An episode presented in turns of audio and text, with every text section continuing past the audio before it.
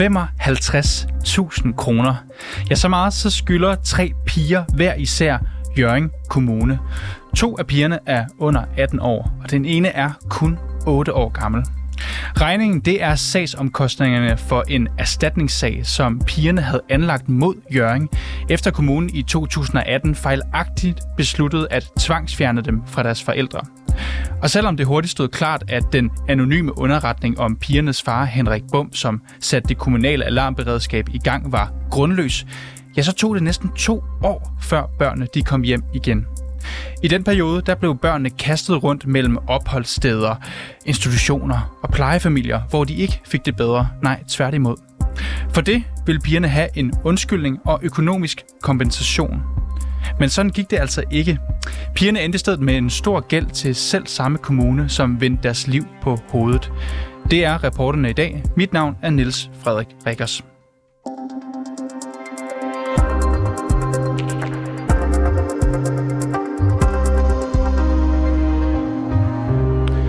Det hele startede altså med en underretning i juni 2018.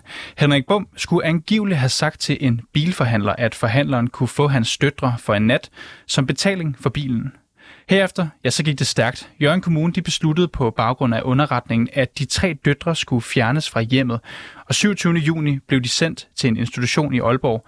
Og der gik altså næsten to år, før alle tre piger var hjemme igen. Og nu kan jeg så byde velkommen til dig, Linda Bum. Velkommen til. Jo, tak. Og hej. Linda, du er mor til de tre piger. Hvis vi lige starter ja. fra begyndelsen, den her underretning. Har Henrik sagt til en bilforhandler, at forhandleren kunne få jeres døtre for en nat? Nej, overhovedet ikke. Overhovedet ikke. Heller ikke bare som en, en kæk bemærkning eller en spøg? Nej, det har han ikke. Og det er slet ikke noget spøg med overhovedet, så jeg kan ikke forstå, hvordan man kan, kan sige sådan noget der. Hvornår hører I første gang om den her anklage? Jamen, det gør vi jo der ved, at øh, pigerne de ringer hjem der den 26. Øh, juni i 2018 er, og er fuldstændig færdig, og kan slet ikke forstå alt det, der er sket, og de har snakket med nogen fra kommunen, og, og vi forstår jo ikke, når jeg rigtig mukke af, hvad der sker og sådan noget. Og så kører den ligesom derfra, og vi bliver kaldt på kommunen meget hurtigt bagefter der, og til samtaler, så får vi jo så at vide, hvad det er, det drejer sig om. Hvordan var det at høre fra kommunen? Jamen, vi var jo dybt chokeret og kunne jo slet ikke forstå noget som helst af det, og det var jo hjerteskær. Det var også det der med at pige de grad som mig, og det ramte os virkelig hårdt. Øhm, Ja, og udover, udover underretning, så beskriver kommunen også i starten en mistanke om vold, og at en af jeres døtre skulle have sagt til kommunen, at hun altså godt kunne blive bange for Henrik, hendes far. Er det rigtigt? Passer det? Altså, når man har fire børn, og de samtidig godt kan være lidt, lidt træls en gang imellem, og ikke altid er lige god til at efter, så kan man jo godt lige let stemme, stemme lidt, ikke? For, for at lige få det lidt på, på det rene igen, ikke også? Men det har aldrig været sådan, at de har været bange for mig overhovedet. Ikke for nogen af os. Slet ikke. Fordi man kan sige, at hvis en af jeres døtre til tider var bange for sin far, så vil nogen måske mene, at der kunne være et problem i hjemmet? Det kan godt være, at der er nogen, der sy- vil synes det, men det har der jo aldrig nogensinde været. Øh, også det der med, at, at så vil de jo heller ikke søge hjem, hvis der har været noget i, vold i hjemmet overhovedet på noget som helst tidspunkt. Øh, men kan, du forstå, kan, jeg kan du forstå, at kommunen har reageret og sat ind, når de har hørt øh, en af pigerne sige sådan til dem? De skal vel reagere på alt det, de får, det, de får ind, men, men på den anden side, når det så også er sådan, at det er afklaret, så skal de også være hurtige til at lukke ned igen, i stedet for bare at lave det til en ny mavefornemmelse på et eller andet andet. Så du siger, det her det, i din optik, det er foregået på, på mavefornemmelser fra kommunens side? Ja, det vil jeg faktisk sige, det er, fordi det er jo ikke det, underretningen handlede om, og det blev hurtigt aflukket af politiet, at der var ikke noget at komme efter, så laver de jo bare om til noget andet. Og det er jo ganske grænseoverskridende sådan noget. Jørgen Kommune, de, Jørgen Kommune de begrunder jo den her akutte tvangsanbringelse af jeres tre døtre med mistanken om vold og den her underretning om samtalen med bilforhandleren. Politiet de undersøger så sagerne tilbage i sommeren 2018, og de valgte ret hurtigt at lægge den ned, og alligevel så gik der næsten to år før alle jeres døtre de var hjemme igen. To år går der, går der her. Altså, hvordan havde I det i den periode? Jamen, vi havde det ganske forfærdeligt og var dybt rystet, og det var traumatiserende for os alle sammen, og ikke mindst for pigerne, fordi det var, det var dem, der blev revet væk, kan man sige, ikke også? Øh, helt, helt uforstående. Øh, og det var svært var måske nok den allermindste, ikke også, som havde det sådan med, at hun kunne ikke forstå noget som helst, det man, man skulle forklare hende, ikke også? Og det var hårdt for os alle sammen, og det var også hårdt for pigerne. Og de græd rigtig tit, og det var svært at fortælle dem, hvordan man skal håndtere sådan noget, men vi gjorde, det, vi, vi gjorde vores bedste, gjorde alt, hvad vi kunne, og ja. Og Linda Bum, for dig som mor i den her periode, det er to år, fortæller du, hvor ja. de ikke er hjemme. Hvordan var det? Det var virkelig grænseoverskridende. Jeg var meget... Altså, ja, ja, jeg er stadigvæk påvirket af det den dag i dag, når jeg snakker om det. Fordi det var hårdt, og det der med, at man ikke kunne være der for sine børn, når de har allermest brug for det. Det er jo nok det, du tager allermest, tror jeg. Og man vil gøre alt for sine børn, ikke også? Og så også at vide, at man ikke har gjort noget forkert, når det var lukket ned af politiet, og så var vi jo klar til at hente vores børn, men det blev så ikke det, vi havde håbet på. Jeg kan jo høre, at du bliver berørt nu, Linda. Hvordan påvirker det dig i dag, det her? Jamen, det, er, det har påvirket mig rigtig meget, fordi jeg synes, det er forfærdeligt, at kommunen de bruger til magt på den måde, som de gør. I stedet for at tage tingene helt til ende, og så når de har det og finde ud af, det er fejl, så i stedet for at bare rende op på den fejl og sige undskyld, så bliver det bare ved med at køre folk over. Bogstaveligt talt. De... Og det synes jeg ikke, er færre, fordi det er også, der skal samle børnene op bagefter. Hvilket vi så heldigvis er gode til. De to ældste piger, de, de prøver flere gange at stikke af fra deres opholdssted og fortæller, at de gerne vil hjem. Hvordan er det som forældre at se sine øh, børn kæmpe den her kamp for at komme hjem, uden at I kan gøre noget ved det? Det er jo dybt frustrerende, ikke også? Vi står jo bare som forældre på sidelinjen, ikke også? Og de siger jo hele tiden, de gerne vil hjem, og der er ikke nogen, der vil lytte på dem, og man kan se, at de får det bare værre og værre. Hvad sagde du til? de vil ikke være på de der, de vil ikke være på de opholdssteder eller noget. De vil bare gerne hjem. Linda, hvad, hvad, hvad sagde du til pigerne, når de var ked af det? Jamen, jeg sagde til dem, at vi, vi ville altid være der for dem. Alt det, vi overhovedet kunne. Og at de skulle trøste hinanden, når de havde muligheden for det. Og snakke med hinanden. Og bruge det til en støtte til at gøre dem stærke. Og vide, at vi altid elskede dem. Uanset hvad der måtte komme frem, eller uanset hvad der måtte blive sagt. Vi vil aldrig svigte dem. Jørgen Kommune de beslutter i oktober 2019, at jeres døtre de så skal hjem igen. Kommunen ja. de har fået lavet en forældrekompetenceundersøgelse af jer, som ikke viser nogen grund til bekymring. Linda, hvad, hvad var det for nogle piger, I fik hjem igen? Jamen, vi fik jo nogle piger hjem, der var meget øh, ødelagt, kan man sige. Alt det her med, at de var blevet smidt rundt i systemet, og de har fået en holdning til, at man ikke kunne stole på nogle folk længere omkring sig, fordi hver gang man følte, at man har fået godt til, øh, til et godt tillid, eller en god tillid til nogen, så blev det altid brugt, fordi så blev det skiftet ud med nogle andre, man kunne snakke med, og de var meget angst og var bange for at blive fjernet igen, og græd rigtig tit, og synes det hele det var træls, og vi forsøgte jo at samle dem rigtig godt op, og det har vi gjort. Og de er jo også påvirket af det den dag i dag, ikke også? Måske i mindre grad, fordi vi snakker så meget om det, som vi har gjort, og for at bearbejde det langs af vejen, men det vil altid sidde på ryggraden af dem. Det vil det jo gøre for altid. Og hvordan sidder det med på jer som familie? Nu har I været skilt ad i de her to år. Hvordan har I det i dag? Ja, vi har det rigtig godt sammen, men altså, vi snakker jo stadigvæk tit om det her, fordi der er jo nogle ting, der stadigvæk florerer altså, med, med flashback og sådan noget. Øh, og man, vi har jo også sagt, at børnene skal ikke skamme sig over det, fordi de har ikke gjort noget, noget forkert, og det, det har vi ikke som familie. Vi bliver stærkere af den mod, modgang, man får, og vi står sammen alt det, vi overhovedet kan, og hjælper hinanden. Linda, på baggrund af hele det her forløb, så vælger I jo at anlægge en erstatningssag mod Jørgen Kommune. Var det jer, eller var det pigernes beslutning at anlægge den her sag? Det var også i, for, i samarbejde med advokaten, og det var sådan set hende, der kørte løbet for os mere eller mindre. Øhm, hvor vi synes at det var på sin plads, at vi fik en undskyldning. Fordi det var, blev jo hurtigt lukket ned af politiet, at det var forkert. Og så kan vi ikke se, hvorfor de så ikke ville bare sige undskyld og være ved, at det er en fejl, det de har lavet, så sende dem hjem, fordi det har bare ødelagt dem rigtig meget. Og det synes vi ikke, det er i orden. Og så får kommunen bare lov at rende fra deres ansvar. En, en undskyld burde jo ikke være meget svær at give. Det vil jeg jo ikke mene. Det var bare et uskyldigt ord, han altså. Det var bare et ord. Men det kan jo være svært i det regime, som kommunen sidder i åbenbart, at finde det ord frem. Hvad betyder det for jer at få en, øh, du siger en undskyldning her, men en erstatning for hele det her forløb?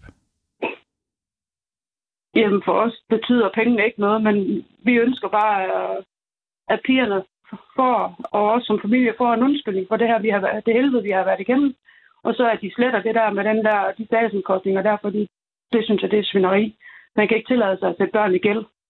Og det strider også mod, mod mange andre ting og mange øh,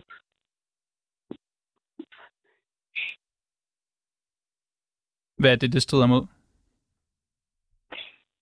Det er i hvert fald ikke ifølge loven en god ting.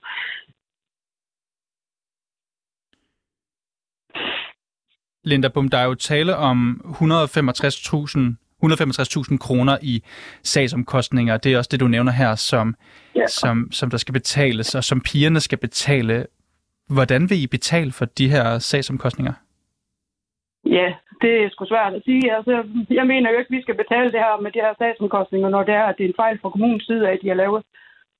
Det kan vi jo ikke se, hvorfor vi skal stå til ansvar for det, når det er dem, der har lavet fejlen. Det synes jeg tværtimod, det er svineri. Hvad siger... de, burde skamme. de burde skamme sig. Det er bare min ærlige opfattelse af det her. Hvorfor skal de skamme sig? Fordi jeg synes ikke, det er færre, når tingene de bliver lagt til ende på den måde her, og tingene bliver lukket ned. Altså, de bare bliver ved med at få lov at køre igennem på den her måde her. De tænker slet ikke på det der... De tænker slet ikke på, hvor meget de ødelægger de familier, der går ud over. Og så er det også som forældre, der skal stå med ansvar for at få sat det op igen, eller for at samle børnene op igen.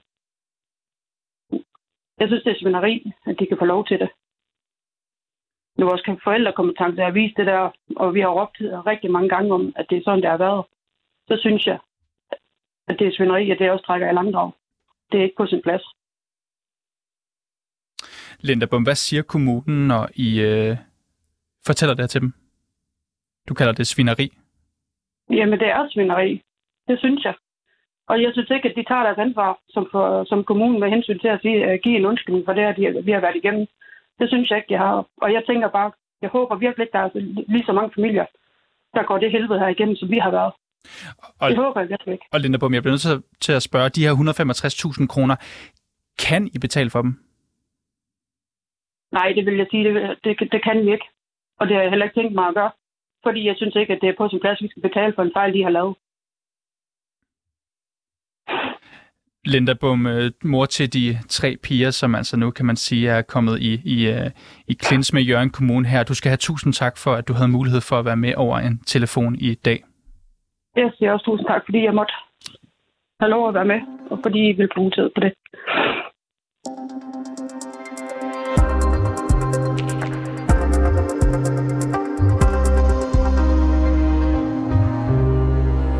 Ja, familiens sag mod Jørgen Kommune, den gik altså på ingen måde, som familien havde håbet. For i stedet for en undskyldning og en økonomisk erstatning, ja, så er hver af de tre piger endt med en gæld på 55.000 kroner. Vi har talt med familiens advokat Julia Jensen om, hvorfor sagen den er endt der, og reporter Clara Edgar, hun startede med at spørge, om advokaten var overrasket over udfaldet. For det første var jeg selvfølgelig overrasket over, at vi ikke blev tilkendt den her øh, fri proces, som jeg synes, at øh, pigerne de skulle være tilkendt. Også fordi, at sagen jo både er principiel, men også fordi man også skal kigge på, at det er børn, der skal føre en sag øh, mod en, øh, en offentlig myndighed. Og derudover så var der et led mere i det, hvor man bagefter også øh, kunne søge om, øh, om fri proces til sagsomkostningerne. Det vil sige, der var faktisk en, en selvstændig sag omkring, øh, da sagen blev hævet fra, fra pigernes side af, øh, hvordan de her omkostninger, de skulle fordeles, og der har man jo mulighed for enten at ophæve dem fra domstolenes side, og man har mulighed for, at man kun tillægger øh, den tabende part, så at sige, og det vil jo så være pigerne her, fordi dem, der ligesom trækker sig fra sagen, at de så skulle betale delvis øh, nogle af sagsomkostningerne. Men øh, ingen af delene kom vi igennem med, og så stod pigerne lige pludselig der med en dom, hvor, de, hvor de lige pludselig skal betale 50.000 hver i sagsomkostninger. Og grunden til, at I øh, hævede sagen, øh, var det fordi, I, I på et eller andet tidspunkt alligevel tænkte, det bliver for svært det her, eller hvad var, hvad var overvejelserne i, øh, i det? Der var, det var rent økonomi. Der var kun økonomiske overvejelser i det. Altså, jeg var jo nødt til at fortælle Henrik og Linda, hvis, hvis vi tabte den her sag, hvad det så i værste fald koste dem i sagsomkostninger, altså også pigerne, øh, fordi vi ikke fik den her fri proces. Og øh, det tykkede de længe på og drøftede også med pigerne. Og da sagen jo var meget spæd i sit forløb, fordi ting bare tog utrolig lang tid i den her sag, jamen så øh, havde de simpelthen ikke øh, økonomien til at fortsætte.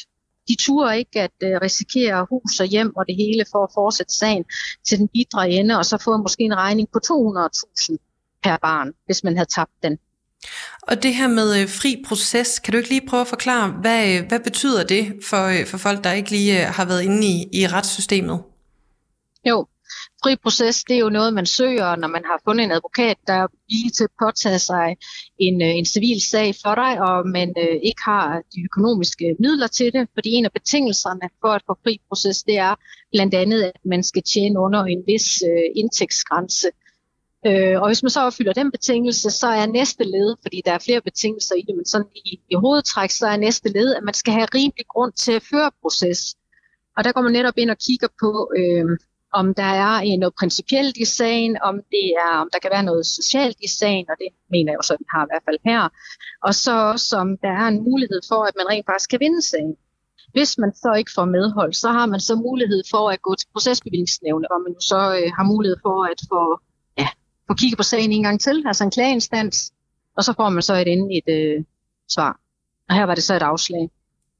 Og kan man ikke sige, Julia, når der bliver givet øh, afslag på, på fri proces, både i Civilstyrelsen og, og efterfølgende ved, ved anken her, så siger det noget om, at, øh, at den her erstatningssag, som, øh, som du jo skulle føre på, på pigernes vegne, at, at sagen var ikke så stærk? Nej, det synes jeg ikke nødvendigvis, den siger. Den siger jo, at, øh, den siger jo, at, øh, at man stiller sig i tvivl som omkring selvfølgelig, om man kan løfte de fornødende bevis. Men til det vil jeg jo sige, forskellen på en retssag og så den her ansøgning, det er jo, at man har jo en stævning, som man sender ind med nogle billeder, hvor man jo highlighter alle de her, øh, selvfølgelig alle de her argumenter, som man vil bruge i retten. Men de vil jo være meget, meget underbygget af vidner og parter, der selv vil komme ind og forklare, for eksempel pigerne, der vil jo komme ind og forklare, hvordan det her der påvirker dem og deres familie, hvordan Henrik og Linda vil komme ind og forklare, hvordan det har påvirker familien, hvordan de forskellige socialrådgivere forhåbentlig vil komme ind og forklare ærligt øh, omkring, at de også har sået tvivl omkring den her anbringelse øh, på nogle forskellige stadier undervejs. Så der vil være en masse øh, x-faktor i det, som vil kunne hjælpe den her sag, og hvor man kunne løfte en, øh, en bevisbyrde, og så gøre sagen rigtig stærk. Så tror du på, øh, Julia, hvis det, var kom, altså hvis det var kommet så langt, at sagen var kommet for retten, at, øh, at I kunne have vundet? Ja, det tror jeg. Så hvis vi lige tager øh, det sådan helt konkret, øh, Julia, hvad var det så for nogle nedslagspunkter, øh, I havde mod kommunen i, øh, i den her øh, erstatningssag? Jamen, øh, for det første, så var der jo ikke proportionalitet i anbringelsen. Der var jo, det var jo, altså, når man anbringer et barn, så skal det jo have til formål at barnet skal komme i en bedre udvikling og trivsel. Og her var det jo lige præcis modsat. Så det vil sige, formålet med anbringelsen, den var der ikke. Altså, det man skulle have gjort, det var jo at hjælpe pigerne i hjemmet, hvis der overhovedet var noget at komme efter, og hvis der overhovedet var brug for noget hjælp. Det kan man jo så også diskutere, men i hvert fald skulle man have brugt det mindst indgribende middel, man overhovedet havde på det her tidspunkt. Det andet, det er hele opstarten af sagen, altså hvordan en sag af så alvorlig en karakter kan rulle på baggrund af en anonym underretning. Det i sig selv skulle også efterprøves. Altså har forvaltningen, hvad skal man sige, øh, undersøgt det her spadestik dybere end bare en gang slader eller en eller anden supermekaniker, eller hvem der nu lige er, der har sat det her i gang. det er tre børn, øh, man taler om her, og hvordan deres fremtid den så formede sig nogle år efter. Og det sidste, som jo også er vigtigt, det er, har forvaltningen overhovedet arbejdet med den fornødende hurtighed? Og det mener jeg ikke, de har, og grundighed i den her sag. Og der er nogle forvaltningsretlige principper, der siger, at det er man nødt til, øh, i det øjeblik, man bliver i tvivl, og, og Henrik for eksempel får sit navn renset i det her, der kommer ikke nogen øh, politisager, der kommer ikke noget på de her anklager, ja, så skal man jo handle fra forvaltningens side. Så skal man ikke bare sige, jamen øh, nu er pigerne anbragt, så nu bliver de lige der lidt. Der er man altså nødt til at komme i gang, og der er man nødt til at tage arbejdstøjet på, og der er systemet bare alt, alt, alt for langsomt. Hvor meget øh, lød den præcise erstatning på, øh, som, øh, som du skulle søge på, på pigernes vegne? Øhm, jeg tror, vi startede med at søge om fri proces på 50.000, og så hævede vi faktisk beløbet til øh, 100, og, øh, og tror jeg igen med at føre sagen på, på de 70. Og grunden til, at beløbene går lidt op og ned, det er, fordi det har været utroligt svært at fastsætte et konkret beløb, fordi vi har ikke noget praksis, øh, der siger, at man kan få ret meget for, gamle, ja, for de gamle domme, der ligger, så, så ligger beløbet på omkring de 15-20.000. Øh, så vi skulle selv gå ud og opfinde den dybe tallerken her og sige, hvad er rimeligt, hvis vi kigger på, hvordan det er i tilsvarende straffesager i forhold til for eksempel voldsoffer, voldtægtsoffer, andre forurettede, øh, hvad får de tilkendt i, i nogle sager, hvor de har lidt overlast og overgreb. Så det er virkelig, virkelig været en svær balance, det her. Det, derfor var det også sådan en principiel sag på det punkt at få løftet den her erstatningssum, men også gøre synligt for folk, at de rent den faktisk er til stede. Det er ikke, et fiktiv, øh, det er ikke en fiktiv sag og fiktiv beløb, man snakker om, man eventuelt kan få, men kunne have været dejligt, at man kunne se, at øh, det kunne lykkes i Danmark også at få erstatning, når der er begået uret imod en. Ja, Julia Jensen, som var advokat for familien Bums tre døtre, mente altså, at hver af pigerne havde ret til 70.000 kroner i erstatning. Men fordi pengene slap op, ja, så nåede sagen aldrig en afgørelse, og de tre piger, som i tæt på to år var fjernet uberettiget fra deres forældre, ja, de skal nu kæmpe med at betale en stor gæld til kommunen, 55.000 hver, som skal betales i næste uge.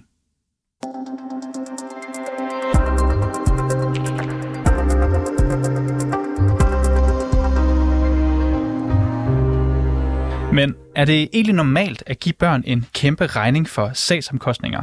Og hvad kan det betyde for et ungt menneske at starte voksenlivet med en stor gæld til det offentlige? Det håber jeg, at du kan gøre os en lille smule klogere på. Stine Jørgensen, velkommen til. Tak for det. Du er med på en telefon her, og du er altså juraprofessor med speciale i børn og unges rettigheder på Københavns Universitet, og så er du også medlem af Børnerådet. Hvis vi tager det større perspektiv, det er jo byretten, der træffer beslutning om, hvordan sagsomkostningerne skal betales. Hvilke overvejelser sidder de med i sådan en sag? Ja, når de øh, træffer beslutningen i en, en hvilken som helst øh, ret, kan man sige her, så en byret, så skal de jo tage, øh, så er der nogle udgangspunkter og nogle principper, som de fordeler sagsomkostningerne på. Og her er det altså det, man vil kalde en civil sag, altså en, en borger eller borger, der har øh, anlagt sag mod en kommune. Og, det, øh, og når sagen så bliver hævet, som er øh, tilfældet i den her sag, så er udgangspunktet jo, at øh, hver part bærer sine omkostninger. Så det er også nogle principper, der vil gælde i sådan en sag, som vi lige har hørt om her? Det vil, det vil formentlig være den øh, type overvejelser, retten har siddet med, ja. Så hvis jeg nu skal spørge, har byretten gjort alt helt efter bogen i øh, for eksempel den her sag om erstatning? Ja, altså, det, det er lidt vanskeligt at se. Jeg vil gerne lige understrege, at jeg har faktisk ikke læst, øh, læst den. Øh, altså, jeg har ikke, øh, kan man sige, nærmere kendskab til den konkrete sag som sådan, men som udgangspunkt, øh, så har øh, byretten jo, når de skal fordele sagsomkostninger, jo nogle principper, de går ud fra, og det er jo klart, og så kan de jo også tillægge nogle andre momenter vægt. Blandt andet her, det taler om en erstatningssag, at børn, øh, der over for hvem der har begået øh, et indgreb i deres ret til familieliv osv., over mod en, en, en myndighed, altså en kommune her på den anden side. Så det er jo ikke sådan, at de ikke kan træffe en anden type af afgørelse eller fordele sagsomkostningerne på en anden måde. Øh, det vil jeg bestemt ikke mene. Men om der ligefrem er begået en fejl, det, det ved jeg ikke, om man kan sige på den måde. Stine Jørgensen, jeg vil også øh, spørge på en måde. Er det normalt at give børnene en regning?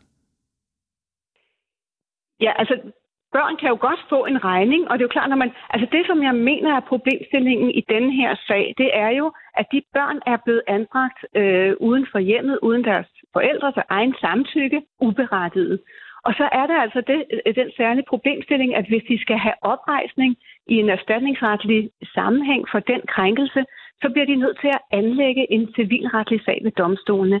Og det at anlægge en civilretlig sag ved domstolene, det er dyrt.